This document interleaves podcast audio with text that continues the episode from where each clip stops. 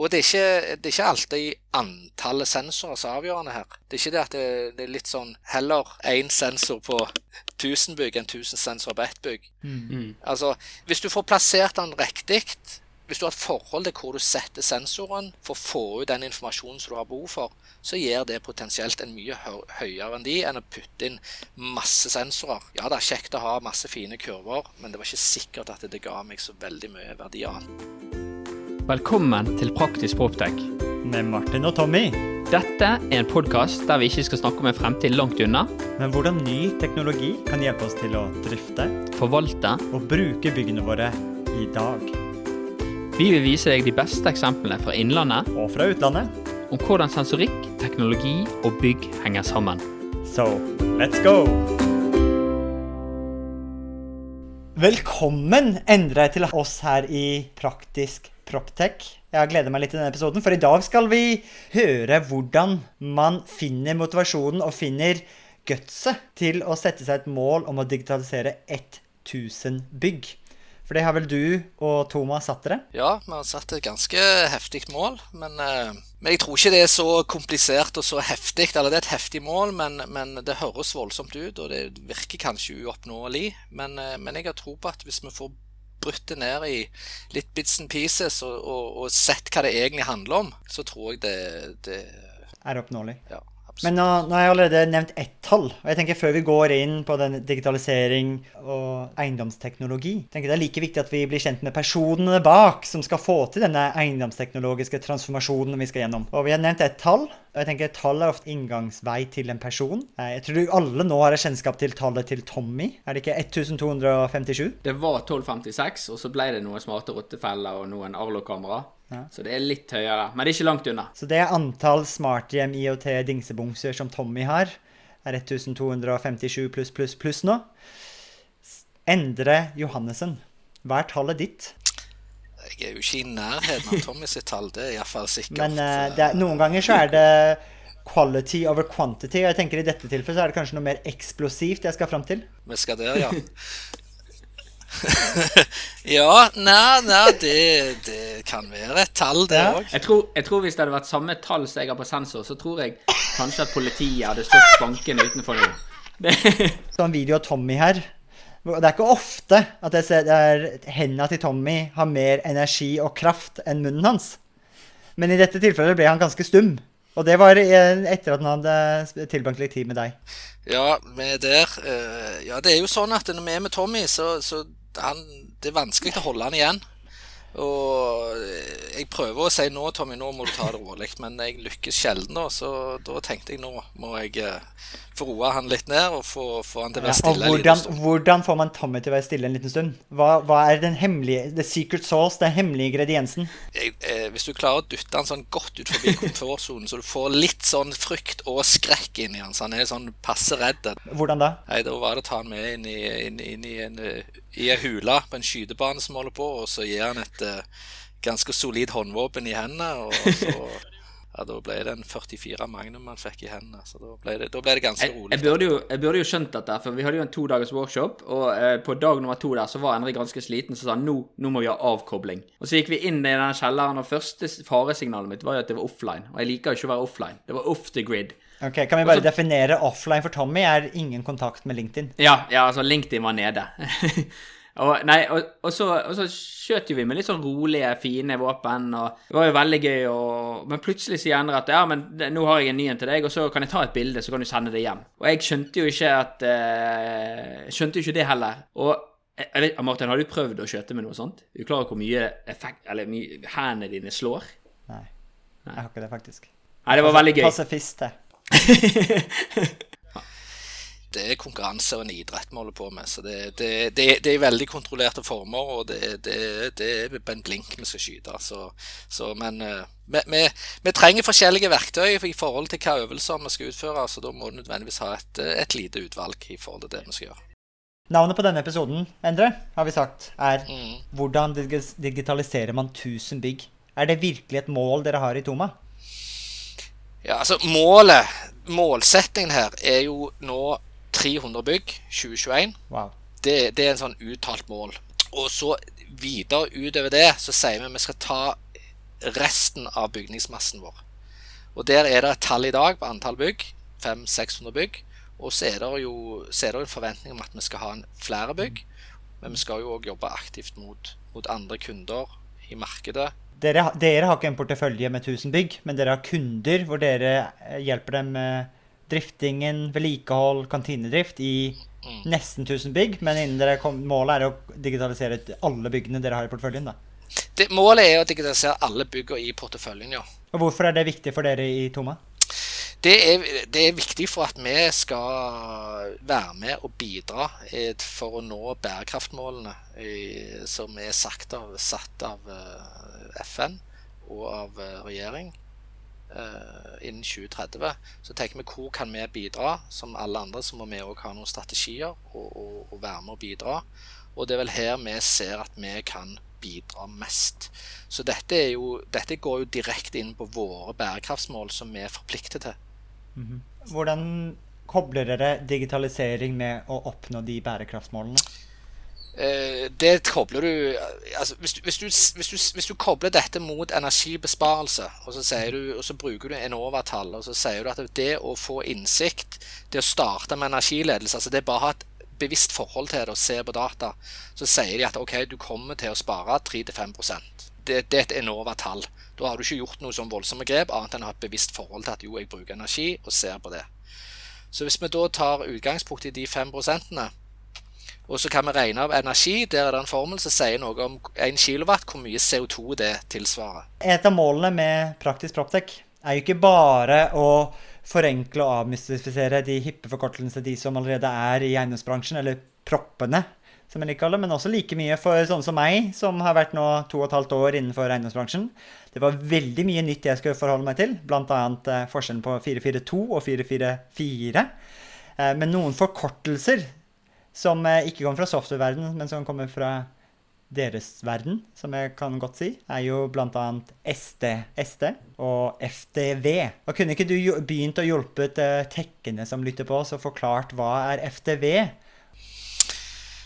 Ja, altså FDV-en det er jo da forvaltning, drift og vedlikehold. Og vi er jo ofte i Forvaltning er jo gjerne der, der snakker vi både utvikling, leietakere, kjøp og salg. Det er mye som ligger i den F-en.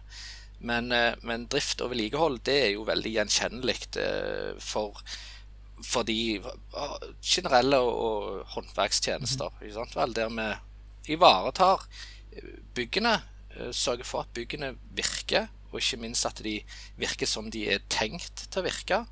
Eh, det er jo masse teknikk i et bygg i dag. Det er ventilasjonsanlegg, det er varmeanlegg, det er lysstyring, det er sikkerhetsanlegg, avgangskontroll, brannvarsling. Så det, det, er mye systemer og mye tek teknologi inn i byggene i dag. Så, så driften sin viktigste oppgave, da, den D-en, det er jo å, å sørge for at disse anleggene og installasjonene virker som de er tenkt å virke når de skal virke. Det, det er jo liksom nummer én. da. Og så er det veden som vedlikeholdet. Det går jo på at vi skal ivareta de installasjonene, sånn at de varer i den forventa levetida som de har. Og ikke minst da ha den funksjonen som de satte ha i den mm. levetiden. Det, jeg, jeg, har jo en liten erkjennelse der. Jeg husker når jeg eh, begynte å jobbe sammen med Endre. Da eh, forbandt jo jeg Etter å ha jobbet med SD-anlegg, da, så for, for, meg, for FTV for meg, det var jo å levere over noen datablad. Det var jo alltid sånn Nå må du huske å kvittere ut FTV. Og det, det var kanskje den nyttigste erfaringen og læringen jeg hadde eh, på, på, veien til å forstå bygg. Det var jo den jobben vi gjorde, Endre, med å opp, hva, hva, må til når du oppretter et nytt bygg? Hvordan starter du egentlig å, å etablere et FTV-system, da? Et system for å ivareta forvaltning, drift og vedlikehold. Hva er første steg? Jeg tror, jeg tror, den tilnærmingen er ganske lik nesten hva du skal i gang med. Det første du må ha litt kontroll på før du setter i gang noe, er jo hva er det som er Hva er det jeg skal gjøre? Hva er jobben min?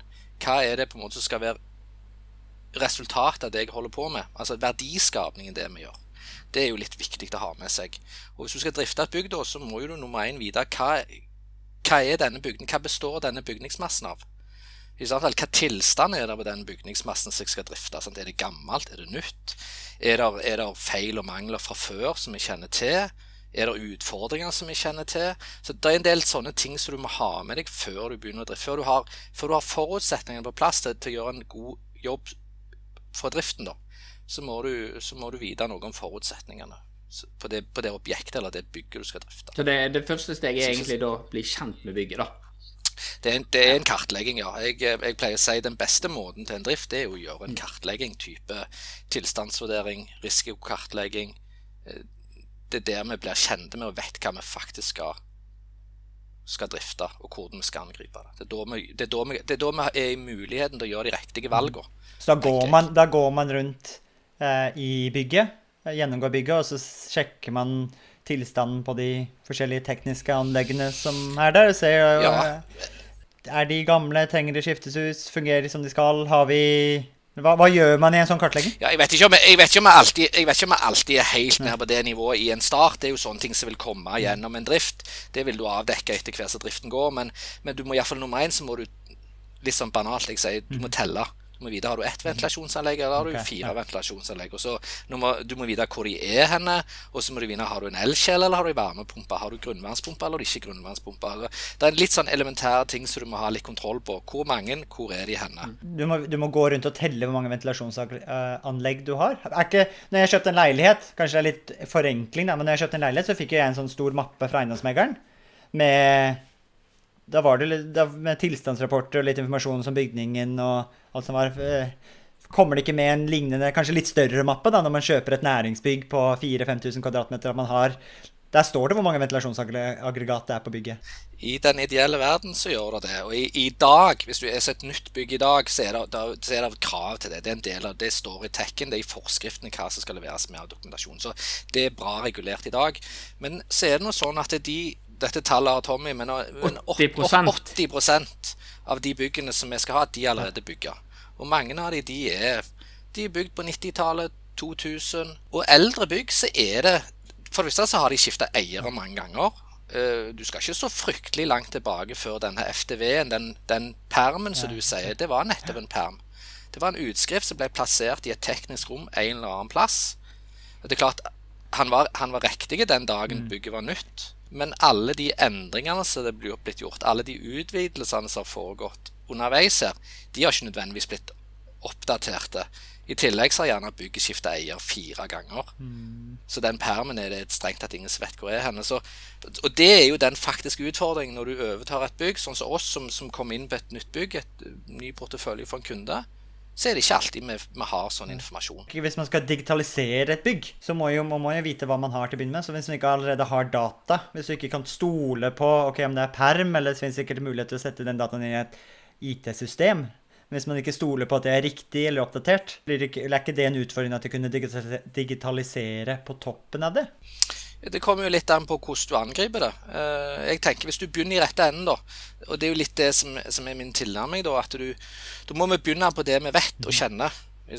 Og en fin plass å begynne, det er jo energi. Det har vi gjerne kontroll på. Så må, sånn at Vi har på en måte, vi må gjøre litt samme jobben. så jeg sier Vi, vi, vi kan ikke bare sette i gang og putte inn sensorer i hytt og vær, for å bruke et sånt uttrykk som det, og, og tro at du får masse verdi ut av det du, du, må vite noe om Gjør den jobben i forkant. Så du må gjøre en sånn kartlegging og vite noe om det bygget du skal digitalisere. Men, men før vi går inn på, på, den delen, da, så la oss si at eh, da, da overtar du et bygg, så må du bli kjent med bygget. Eh, og så, når du vet hva komponenter og alt det der, da er jo det det neste spennende steget, Endre, som du har lært meg en gang i tiden. Da kommer jo risikovurderingen. Ja, risikovurdering. Det, det, er, jo, det er jo mange som syns det er noe ork og noe hessel, men jeg syns jo personlig det er ganske fantastisk. Det, for det, gir deg en, det gir deg en veldig sånn fin prioriteringsliste. Mm. Altså Istedenfor at vi, vi tror og mener og syns, så får du litt fasit. Eh, med en gang du må ta, ta stilling til en, en, en, sannsynlighet og en konsekvens. Hva, hva er en risikovurdering? Det er rett og slett Du, du, må, du må, på en måte se hva, altså, hva har størst negativ i det, i det perspektivet vi snakket om. Risikovurdering kan jo også være positive eh, outcome, men, men vi ser da i, når det gjelder bygg og det vi gjør, ser du den Hva har potensielt størst negativ innvirkning på driften? Det er jo selvfølgelig, Vi har jo disse helt sånne åpenbare liv og helse som er helt på toppen som vi må ha kontroll på.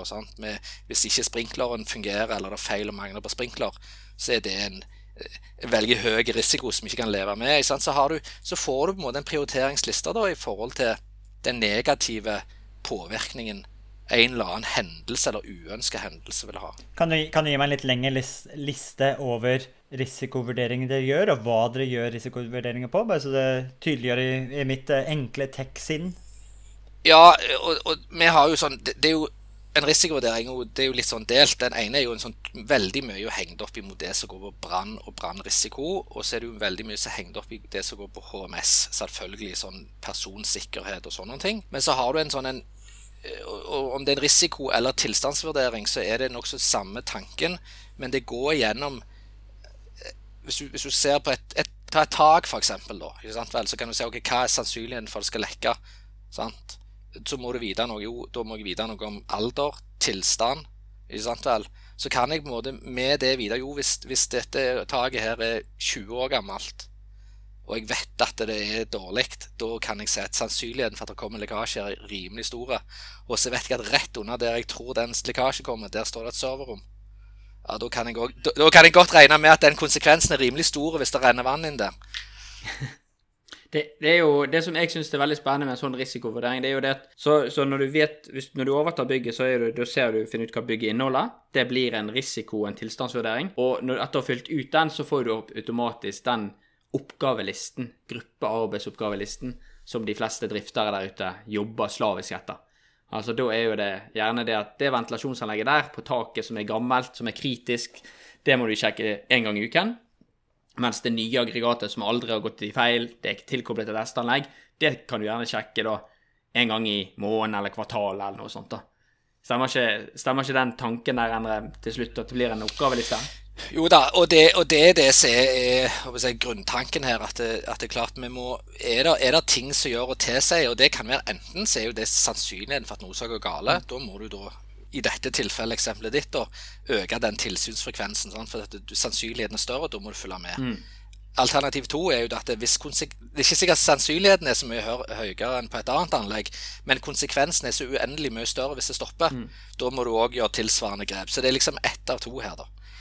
Så, så det, det er liksom den, den tilnærmingen til det. Men da har, vi, da har jo vi på en måte etablert Vi har fått overtatt bygget, vi har etablert et FTV-system på det, og vi har på en måte en metodikk for å ivareta det bygget. Og da, hvis vi skal ta den reisen som dere er på, for det er jo en reise som Tom har gjort da, i det siste sant? Man har jo på en måte digitalisert bygget i den forstand at du har gått fått over digitale rutiner, alt er lagret på et eller annet en, en eller annen filserver, og du har fått vekk den permen. Men hvis du tar den digitaliseringsreisen dere er på nå, der dere skal bruke teknologi for å effektivisere bygget, hvordan starter man den reisen? Ja, først vil jeg jo si at den, den målsetningen om å effektivisere, den, den ser jeg nok litt lenger framme. Det er nok andre ting som kommer før den effektiviseringsreisen. Det ser jeg mer som en sånn en positiv konsekvens konsekvens av å gjøre dette. Det å få innsikt gjør jo at du nødvendigvis kan gjøre litt andre valg. Det vil nok i neste omgang si at vi trenger kanskje ikke sjekke på det nivået vi gjør, eller du har en helt annen innsikt som forteller deg ting litt annerledes. Jeg, jeg tror nok at tilnærmingen nå er, er litt annerledes. Det er hva som på en måte gir oss størst mulig innsikt. Altså hva er det som gjør oss gir oss størst ver mulig verdi da, i forhold til teknologi? Altså hva, hva, hva er det som gir meg den informasjonen som jeg trenger for å gjøre de rette valgene? Og, og konkret, da? Hva, hva slags innsikt vil du lære om bygget? Nei, altså, jeg har ikke noe sånn Jeg har ikke noe sånn Si at jeg, jeg vil vite Hvis jeg vet det, så har jeg kontroll. Jeg, jeg tror dette er litt tilbake igjen. Jeg, jeg må jo vite hva, hva jeg har behov for å vite. Det er jo litt, det er jo litt den her høna og egget. Jeg, jeg har ikke tro på å putte inn nødvendigvis masse sensor, masse data, helt sånn ukritisk, og så se på masse data, og så prøve å finne en eller annen problem, plausibel problemstilling. Jeg tror vi må snu litt på det, så må vi finne hva er utfordringen. Eh, Har vi problemer med inneklima? Ja, da må vi prøve å finne ut av det. Har vi problemer med altfor høyt energiforbruk eller uforklarlige effekttopper eller for høy grunnlast? Ja, da må vi prøve å finne ut av det. Har vi problemer i områder med ja, noe som Tommy kan relatere seg til, da, rotter og mus, så, så, så, så må vi på en måte adressere problemet til det, da. Så, Nå har jeg, jeg forresten det- en ferdig løsning på det problemet, hvis noen ja, trenger det. ja veld, veld, veldig bra. veldig bra Nei, så jeg, jeg, jeg tror det handler litt om å Iallfall som en start å ha en formening om hva, hva er det jeg trenger å vite. Hva er, det, hva er det som gir meg en verdi? Eller ikke meg da i dette, men Sånn praktisk, da. Så den digitali nå, hvis du tenker på den digitaliseringsverktøykassa Nå har du sagt inneklima, du har nevnt energi, og du har sagt rotter og mus. ja, nå- hvis vi skal lage en sånn skala fra 1 til 10 her, så, så er vi liksom på 1, og så er vi på 2, og så er vi på 25. okay. Skal jeg ha en praktisk tilnærming her, da? Hvis dette er eh, ikke en metaforisk verktøykasse, dette er en ordentlig verktøykasse. Hva er det som ligger i Thomas sin digitale Ja, verktøykasse? vi, per nå så, så har vi, vi har flere verktøy, men, eh, men det som vi, vi nå har sett som den som gir størst verdi, da, altså sånn kost-nytte, det er energi. Altså energianalyse. Det forteller oss utrolig mye. Er det, en, er det en sensor, eller henter dere data da fra Elhub? Nei, da henter vi live data, eh, sanntidsdata, hver andre sekund fra AMS-målerne. Ja. Så da, da åpner vi denne HAN-porten, og så henter vi ut data derifra. Ok, Hvilken sensor bruker du da til å hente ut den Ja. Da bruker vi en HARK-sensor som vi plugger rett i, i veldig enkel installasjon. Gjort på ja, jeg håper å si minutter. Så må du regne at han eh, drifteren som skal gjøre denne jobben, han må gjerne komme seg fra til B, men, men utover det så er det det er plug and play. da. Så, så selve installasjonen, og det å på en måte, hvis du sier at det er trinn én for å digitalisere, så er den, den barrieren er bitte, bitte liten for å komme i gang der. Og så har vi sett at med å gjøre det, så gir det oss uendelig mye innsikt. Altså i forhold til på en måte ikke vite noen ting. Så begynner vi å kunne se punkt én selvfølgelig hva ting, ti, eh, hva tid ting skrur seg av og på. Så det er jo interessant å vite. Hva tid, hva tid, Du kan, se, du kan se det på disse energidataene? Ja da, med to, ja, det- to sekunders oppløsning? Ja, du ser det krystallklart. Du ser, du ser klokka da så starter, begynner ventilasjonen å gå på. Du ser når elkjeler slår av og på. Du ser veldig godt hvordan ting fungerer. Så det blir som hjerterytmen til bygget, da? Ja, Som hjerterytmen gjør. Det er klart, Da er det jo veldig enkelt å se det opp imot når skal det være folk på dette bygget. Klart, hvis, hvis ting begynner å starte klokka fire om morgenen, eller natta, som noen velger å kalle det, så, og det kommer folk klokka sju Det kan være en grunn til det, men sånn mest sannsynlig så er det en eller annen mismatch her. Eller alle går hjem klokka fire, men, men, men du ser energiforbruket til bygget begynner ikke dette før klokka blir åtte på kvelden. Så liksom, Da har du en veldig greit utgangspunkt for å vite noe om ok, styrer disse anleggene riktig i forhold til sånn som bruken på bygget. Kan du ikke hente den dataen fra Esta-anlegget? Utfordringen er jo at det, vi har da er det, sånn, det, er veldig, det er jo et veldig proprietært system, og så er det veldig begrensa hvem som har tilgang. ikke sant? Og så, er det ofte det er et system som er det er et system av ingeniører for ingeniører. Altså, Estanleg er jo et kjempeverktøy, og det, det, det har jo en, det en funksjonalitet langt over det som vi gjerne snakker om nå, med å få innsikt. Her har du òg styring andre veien. altså der, Når det skjer noe i den ene enden, så skal, så skal det styres, og det skal skje noe i den andre enden. Så, så, så det, det er jo fornuftig. Men, men sånn bruk og følge med og vite, så er vi litt sånn hvis hvis det virker, så virker det, og så er alle happy. Sant? Du, har, du, har lagt inn, du har lagt inn noen ting i en kalender, og så er du prisgitt at det virker. Og hvis ingen klager, så er alle fornøyde. Men, jeg syns det er veldig viktig å få fram at det, det som vi snakker om nå, når vi snakker om å digitalisere 1000 bygg, så, så betyr ikke det at vi på en måte, da kan vi hive estanlegget, og, og det er liksom, dette er et alternativt estanlegg. Det er ikke det vi snakker om. Vi snakker om et supplement, og så snakker vi òg om alle disse byggene som ikke har noen ting. Som bare står der og suller og går for seg sjøl. Eller, eller har et SD-anlegg som er fra 2007, så det står en PC nede på et vaktmesterkontor i en kjeller og suller går, og der har det stått. Altså, det, det, er på en måte, det er ikke sånn at vi nå overtar og styrer alle, alle bygg på en enkel måte. Eh, Det, selve den, det er mer komplekst enn som så, men jeg tror det beste vi kan gjøre, det er å få innsikt nok til å gjøre de rette valgene, og ikke minst se at disse styringene, og litt det vi var inne på tidligere, at ting fungerer sånn som det er tenkt å fungere. Det er egentlig det det handler om. For det, for det, for det, det er nå engang sånn at det, bygg i dag, de blir, og sånn har det vært i mange år, de blir prosjektert og designet veldig bra. Det sitter ingeniører som vet hva de holder på med, og har, har, har virkelig beregna både luftmengder, styringer, temperaturer. Ting skal funke. Men så har vi, i vår bransje, så har det vært en sånn en Det har vært et gap mellom det som går sier, fra, fra prosjekter, fra entreprenør, ferdig bygd, over til drift. Der har det vært en sånn en glipp i mange mange år, og det, og det ser vi ennå. Det er liksom bygget ferdig bygd, og så kommer noen og bare gir fra seg en nøkkel. Vær så god, her har drifta. Så, så de gode intensjonene og de gode planene som var for, for byggene, de blir ikke nødvendigvis videreført til de som faktisk skal drifte og bruke byggene. Men dette, og dette gjelder jo ikke alltid bare de gamle. For det, jeg syns jo Hvis vi går på Stavanger sitt hovedkontor Det er jo Hvor mange år er det gammelt nå, Endre? Nei, vi har vel vi flytta inn for er det to? Ca. to, To år siden, ja. Jeg syns, jeg syns dette er en litt sånn inspirerende historie til, til lytteren der ute. Og kanskje det kan være en liten sånn guide hvordan de kan gjøre noe samme sjøl. For det Toma våknet jo opp, eller har, ikke, har jo virkelig stått på nå og sagt at oi, innen 2030 så skal vi svare 10 terawattimer. Eh, vi, vi ser erkjennelsen om at, at vi, eh, byggebransjen ikke, ikke er den mest digitaliserte, litt i erkjennelsen som jeg og Martin har snakket om tidligere, og vi skal være med på denne reisen.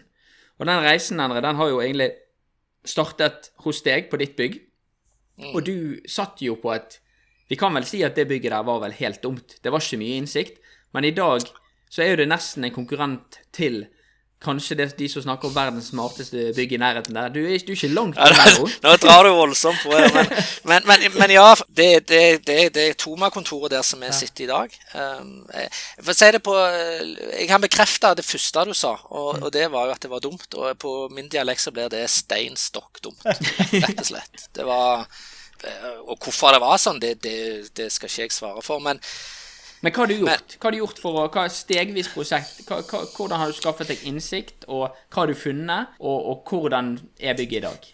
Det, det, det start, ja, prosessen starta jo litt sånn eh, Litt tilfeldig som en pilot. Sant? Vi, vi måtte, det var litt sånn teste ut litt teknologi i det små. Så vi, så vi starta jo med, med, med en inneklimasensor. Vi har, vi har starta med energi, så på energiforbruk, som vi har vært inne på. Vi gjorde òg en sånn eh, koble opp ventilasjonsanlegget. Bare hente ut data fra ventilasjonsanlegget. Bare presentere dataene. Ingen styringer, ingen, interaksjon, men, men, men vi får ut data og ser på ventilasjonsanlegget. Så vi starta der, veldig enkelt. Og det, det første vi så på, det var jo at, eh, at vi så det var rett og slett feil på ventilasjonsanlegget. Så vi så det var, var Vi kjølte og varmte samtidig. Og, og dette, akkurat denne her læringen der, Endre, den syns jeg at den, den, skal, den, skal, den fortjener en digresjon, da. For det, det, dette er jo et kompakt Hvordan er det mulig? fra en leverandør. Nei, så, så, og dette her er litt den fysikken som, som vi ser på disse kompaktaggregatene. Og misforstå meg feil, jeg er jo veldig fan av kompaktaggregat. For kompaktaggregat, der er det i hvert fall ikke koblet feil, sånn som vi ofte ser. Lurer, det er ikke en forkortelse, men det er en, hva, hva er en kompaktaggregat? Et godt poeng. Så eh, hvis du sier at før så bygde man egentlig ventilasjonsanlegget ute på byggeplass. Man kom med viftene, man kom med, med, med blekket og satte dette sammen. Man kom med en undersentral, trekte opp kabler og, og programmerte det opp. Mens i dag så er det gjerne vanlig at det, det kommer fabrikkbygg. Det er vel det som blir riktig ord. Fabrikkbygg ventilasjonsanlegg.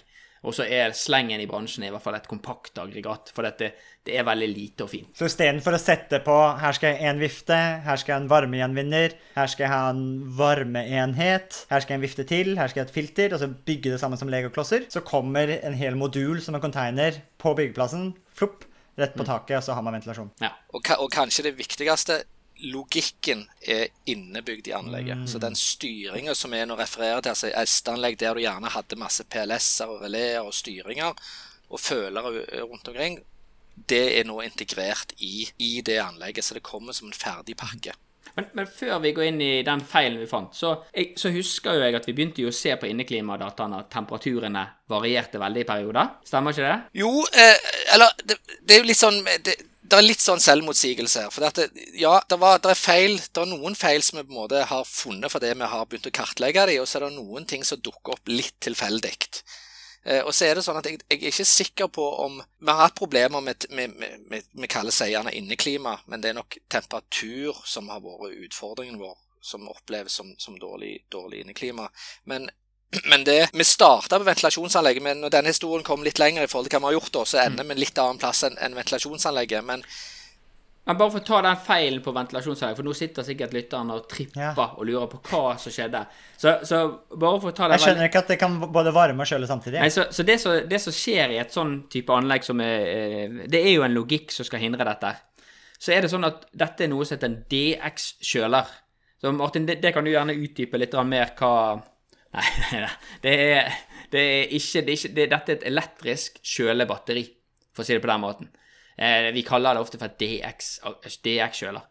Og det, når dette trinner seg inn på de luftmengdene som er der nede, så, så det som skjer, er faktisk at vi kjøler ned luften så fort at vi går under minimumsverdien, som gjør at han begynner å varme samtidig, for å ikke få eh, det som heter duggpunktregulator. Han skal ikke under duggpunktet. Så det er to forskjellige algoritmer som jobber mot hverandre. Ja, jeg, jeg ville kalt de for to forskjellige regulatorer.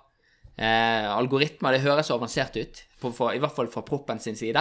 Mens, mens regulatorer det er, Så det er bare to regulatorer som jobber mot hverandre. Og det som var kult nede hos Endre, var jo det at vi så at dette skjedde ved en viss, en gitt utetemperatur. Og det var jo ikke bare på ditt bygg det skjedde. Vi, vi, vi så vel òg at dette skjedde på andre bygg som av samme fabrikant, uten at vi skal legge ut noen fabrikanter. Altså, det, det som er jo Det som òg skal sies i den sammen, det var jo en, en, en, en feil som vi oppdaget, men, men det starta litt òg med at vi hadde og det, og det, var ikke noe nødvendigvis brukerne opplevde, men for oss, for meg som var litt interessert, som var inne i ventilasjonsrommet sånn, med ujevne mellomrom, så så jeg at eh, varmegjenvinneren drev og slo ut og stoppet. Han sto på alarm. Ma, ma, ma hadde, og, jeg, og, det fikk jeg ingen varsling om. Jeg hadde, jeg, hadde det ikke vært for at jeg gikk inn i det tekniske rom sånn innimellom og så at det var alarm, og så hva det var, så hadde jeg egentlig aldri fanget opp at den varmegjenvinneren drev og slo ut og stoppet. Eh, det var en feil i anlegget, og med enda om at eh, leverandøren måtte bytte det, for det var en, det var en feil. Men, men, det var altså, men brukeren der ute, det opplevde jo ikke vi som en, som en feil. For det som skjedde, det var jo bare at han bare pøste inn på varmebatteriet. Så, så, det som skjedde i praksis, var jo at vi øste ut energi. Men det ville du kanskje sett på denne harkdonglen din, da? For da ville du sett at det for, en, hvor mye sånt varmebatteri må jo bruke veldig mye energi. Det var jo det vi gjorde, ikke sant vel? Og, og vi starta jo her, OK hvordan, hvor, her så, Vi så det var feil, da. Så begynte vi å nøste i det. Så det er klart, det var jo helt tydelig når vi begynte å se på energidata, at her er det noe gale. Og Hvordan så du det på energidataen? Eh, da, du så i det, Når du da skulle sett på man skulle hatt en sånn en, Du så du fikk noen sånne piker som ikke var Når du begynte å sammenligne fra dag til dag og i, i, i historiske data, så ga det ikke mening. Det så ut som barkoden i Oslo. Og Det gikk opp og så ned, opp og så ned i veldig små mellomrom. Og så skal man samtidig kunne se fjorden. Ja, noe sånt. Dette, dette er jo et perfekt eksempel der sensorikken er fasiten. Eh, og jeg, dette er jo en sånn En frykt jeg har, er jo at det er mange kompaktderivater som er supersmarte for seg sjøl inne i teknisk rom. Og når den gjenvinnerreimen ryker, så kan det ofte ta 9-10-11-12 måneder til servicemontøren som er inne i det rommet der, ser det og skifter. Og gjenvinner, Martin, du har jo, du ble, det var jo en gang du ble forelsket i den gjenvinneren. Jeg er fortsatt forelsket. Roterende gjenvinner. Ja. Fortell oss. Og hvis du, virkelig, hvis du virkelig vil ha mitt hjerte bankende, så er det en dobbel roterende gjenvinner. det at noe kan ha en effektgrad, kan gjenvinne eh, varmeenergien fra bygg, er det, oppi, det er over 90% på en dobbel gjenvinner? En dobbel, ja. Men en eh, enkel så er det vel fem mot sånn tommelfinger. Men fortell, fortell konseptet, Martin, til, eh, til våre tech-lyttere der ute. Det går ikke an å være mer fantastisk på en enklere måte. Og ingen algoritmer. Og ingen algoritmer. Det er egentlig bare en ja, Hva ser det ut som? Det, ut, det er en, en, rund kloss med masse av metall med masse hull inni. Som går på som sånn rund sirkel av metall med masse hull. Et hjul, eh, som er hul gjennom. Så øvre halvdel så går luften fra venstre til høyre. Nedre halvdel så går luften fra høyre til venstre. Og så er det innendørsluften som skal ut, som går kanskje på undersiden og så er det utendørsluften som skal inn. Men mens denne her roterer rundt metallen, så fanger den den varmeenergien som kommer ut av bygget. Og så snurrer den rundt, og så tar den med den varmeenergien i lagret i dette metallet opp. Så når den er på oversiden og henter den minus 10 grader, så plutselig, på, når det har kjørt gjennom dette metallklumpen, så er det Må gjøre noe rask hoderegning. 17 grader. 13 grader på utsiden. Nei. Hadde jeg vært deg, så ville jeg sagt hvis det er null grader ute, og det er, og det er 20 grader inne, og du har 90% om en dobbelen, så får vi ut 18 grader på andre siden. Helt magisk. Koster nesten ikke noe penger. Men den slutter å gå rundt.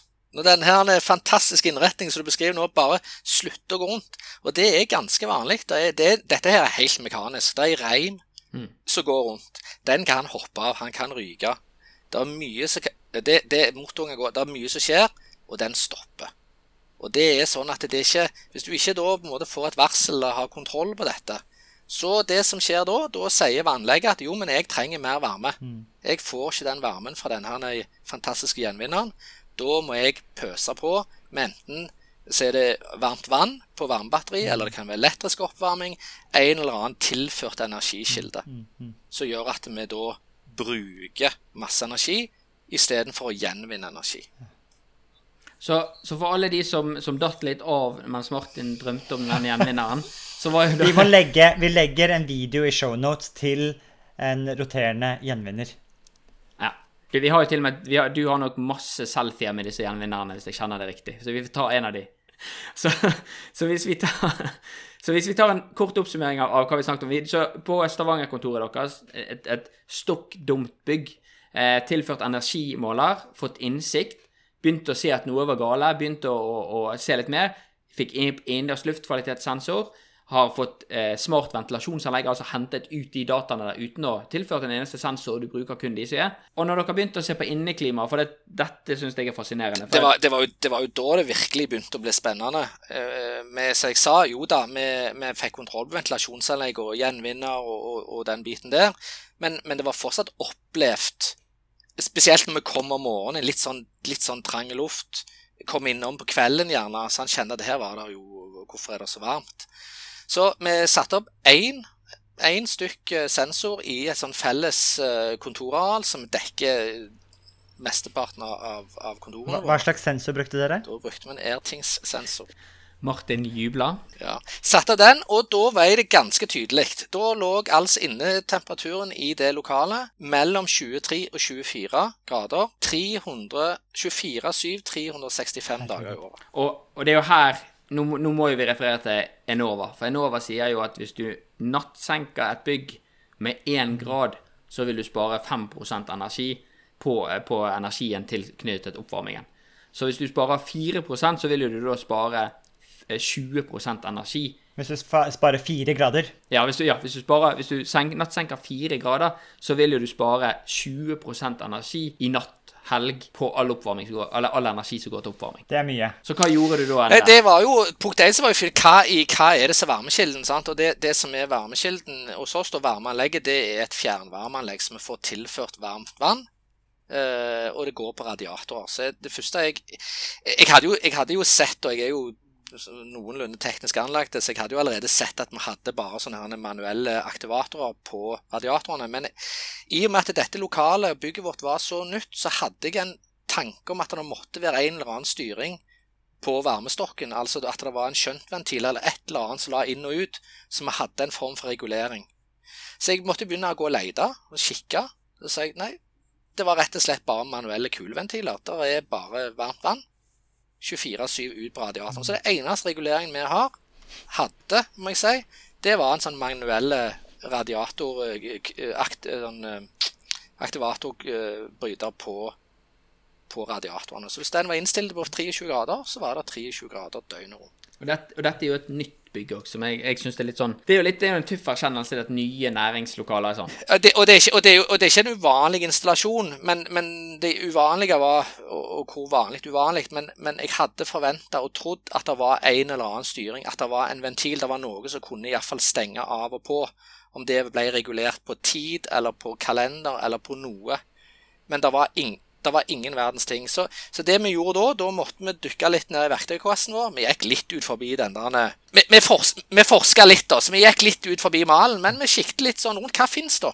Så vi siktet på smarthusmarkedet. Altså hjemme i boligen til folk. Hjemme i huset mitt så har jeg jo masse smarte styringer på varmepumper, på varmekablene mine. Så vi rett og slett dro inn et produkt. Tenkte ok, igjen en risikovurdering. Hva er det verste som kan skje? Ja, At vi ikke får styring. Nå om ingenting, så alt er bedre enn det. Så vi satte opp, eh, satte opp sånne her smarttermostater fra Netatmo. Okay. Lav investering, ti stykk av disse. Og jeg holdt på når jeg så Jeg tror det gikk én dag, to dager, og logga meg inn og så på den her eh, dashbordet på Airting-sensoren. Jeg holdt på å få Jeg holdt på å få bakoversveis. Jeg tok en sånn skjermklepp og sle- Tommy, Ja. er det mulig? Det er jo- Du skulle skulle sitte fra en, sånn en eh, beine strek mellom eh, 3 og 24 grader til sånn fine nattsenkingskurver. Helgene la fint nede i eh, 19 grader, og så drev vi også Det virker som meg at du, er, du må være slått av noen slags stormannsgalskap. Hvorfor godtok du å ta på deg ansvaret i Toma til å digitalisere 1000 bygninger? det, var jo ikke sånn at jeg fikk spørsmålet vil, tar du 1000 bygg, ja eller nei. Eh, Det har jo, det har jo vært en reisende utvikling. Vi starta jo ikke der. Eh, Vi starta jo med noen piloter og, og sjekket ut og så at dette faktisk var vi fant en løsning. Og når vi ser at vi hadde en, en så god løsning, og jeg, og jeg, har tro på som jeg sier, eh, løsningen, og jeg ser at jeg mener oppriktig at dette vil tilføre den verdien som eh, til våre kunder, så, så, så var det eh, ikke så vanskelig å si ja, faktisk. Og det er jo fordi at det, sånn, sånn, som konseptet er nå, så mener jeg det er, det er doable. Men det er klart, hadde du spurt meg kan du ta du digitalisere 1000 bugg, så hadde jeg jo sagt er du clean kokos. Ja, men jeg ville jo tro Det ville jeg sagt til deg. men hva er det som driver deg? Hva er din motivasjon? Nei, motivasjonen er jo eh, Jeg har jo eh, sånn Det å finne verdi, da. At ting skal gi mening, det er en driver. Uten tvil. Altså, når, jeg, når jeg ser at dette gir mening, dette er verdiskapning, dette er ikke bare noe gimmick og tøys og tull, så trigger jeg på det. Jeg ser den effekten, jeg ser den verdien vi får i andre enden. Det er viktig, er viktig for meg, og er en trigger. Det er klart, Når jeg, når jeg kan spare energi eller, eller vite noe om så jeg for, for, for, for kunden min får et bedre inneklima, bedre, bedre bygg, så er, det, så er, det, motivasjonen min. Men, men, det er jo også litt gøy å jobbe med disse duppedingsene? Ja, det så er det klart. Det er jo ikke feil å, å stå i bresjen for 1000 bygg. Det, det, det er noe med deg, da. Det, jo, det er jo kjekt, da.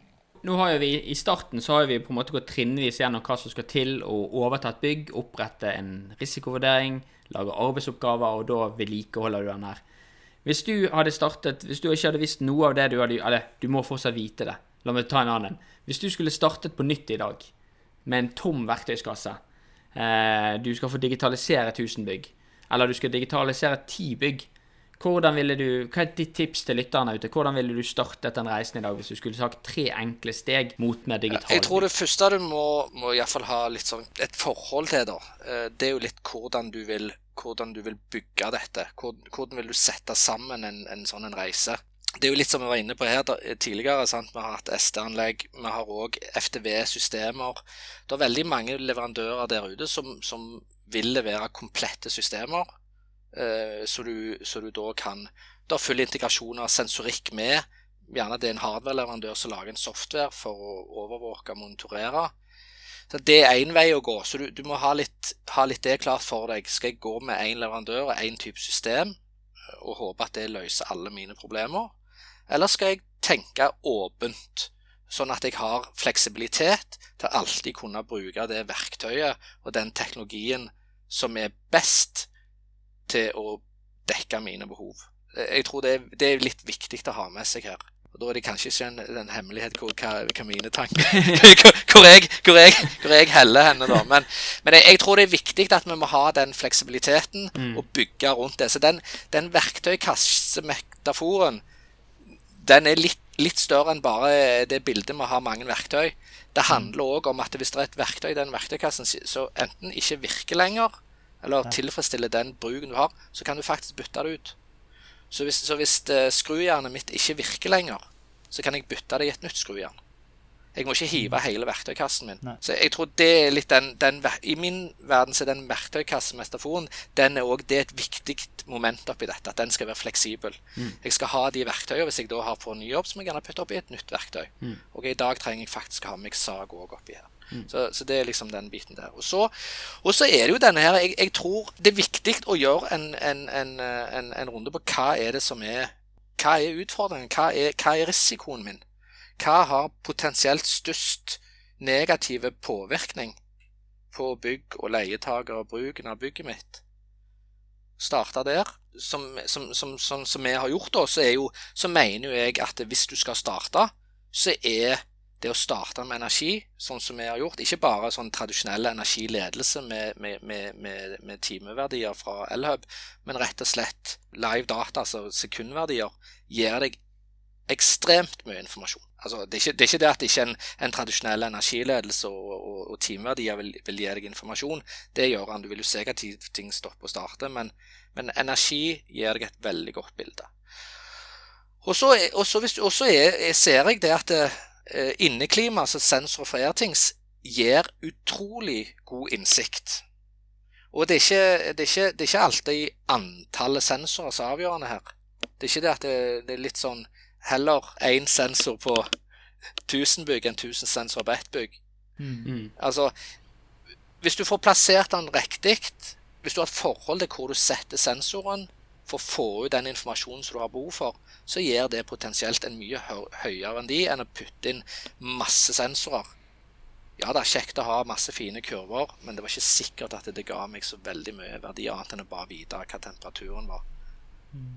Så, så jeg, tror, eh, jeg tror det er en sånn en god tilnærming hvis du skal starte denne reisen. At du litt sånn tar et valg i forhold til til, til, til hvordan, hvordan du skal bygge, og så type sensorer. Det er litt den tilnærmingen. Så, så start egentlig med å, å sondere markedet. Hva, hva vei skal jeg gå? Fleksibilitet, eller om jeg skal rett og slett gifte meg. Og så er det på en måte det å, å prøve å løse problemene. Hva problemer er der? Og der er jo ta pulsen på bygget er jo noe som jeg òg er veldig glad i å gjøre. Og så er det da egentlig å, å, å løse ikke, ikke, ikke start med teknologien, men start med problemet, og så tenk kost-nytt underveis, da. Men eh, Endre Johannessen, det har vært en fryd å være, ta dette stoppestedet på vår eiendomsteknologiske reise med deg. Tusen takk for at du bidro til vår dugnad. Det å ikke bare forenkle og forklare en veldig pragmatisk tilnærming til digitalisering i dag, det har også virkelig tatt i et skippertak for sånne som meg, sånne tech-folk som kommer inn i bransjen, og forklart hjulpet oss å forklare hva et SD-anlegg er, hva et FTV-anlegg er, og veldig forenkelt. Og vi har kunnet få prate om min forkjærlighet for varmegjenvinneren. Så tusen takk for at du kunne være med oss her i Praktisk Proptech. Jo, tusen takk for at jeg fikk være med. Veldig kjekt. Og lærerikt. Og med det sagt, mitt navn er Tommy. Mitt navn er Endre. Og jeg heter Martin, og du har hørt på Praktisk Proptech.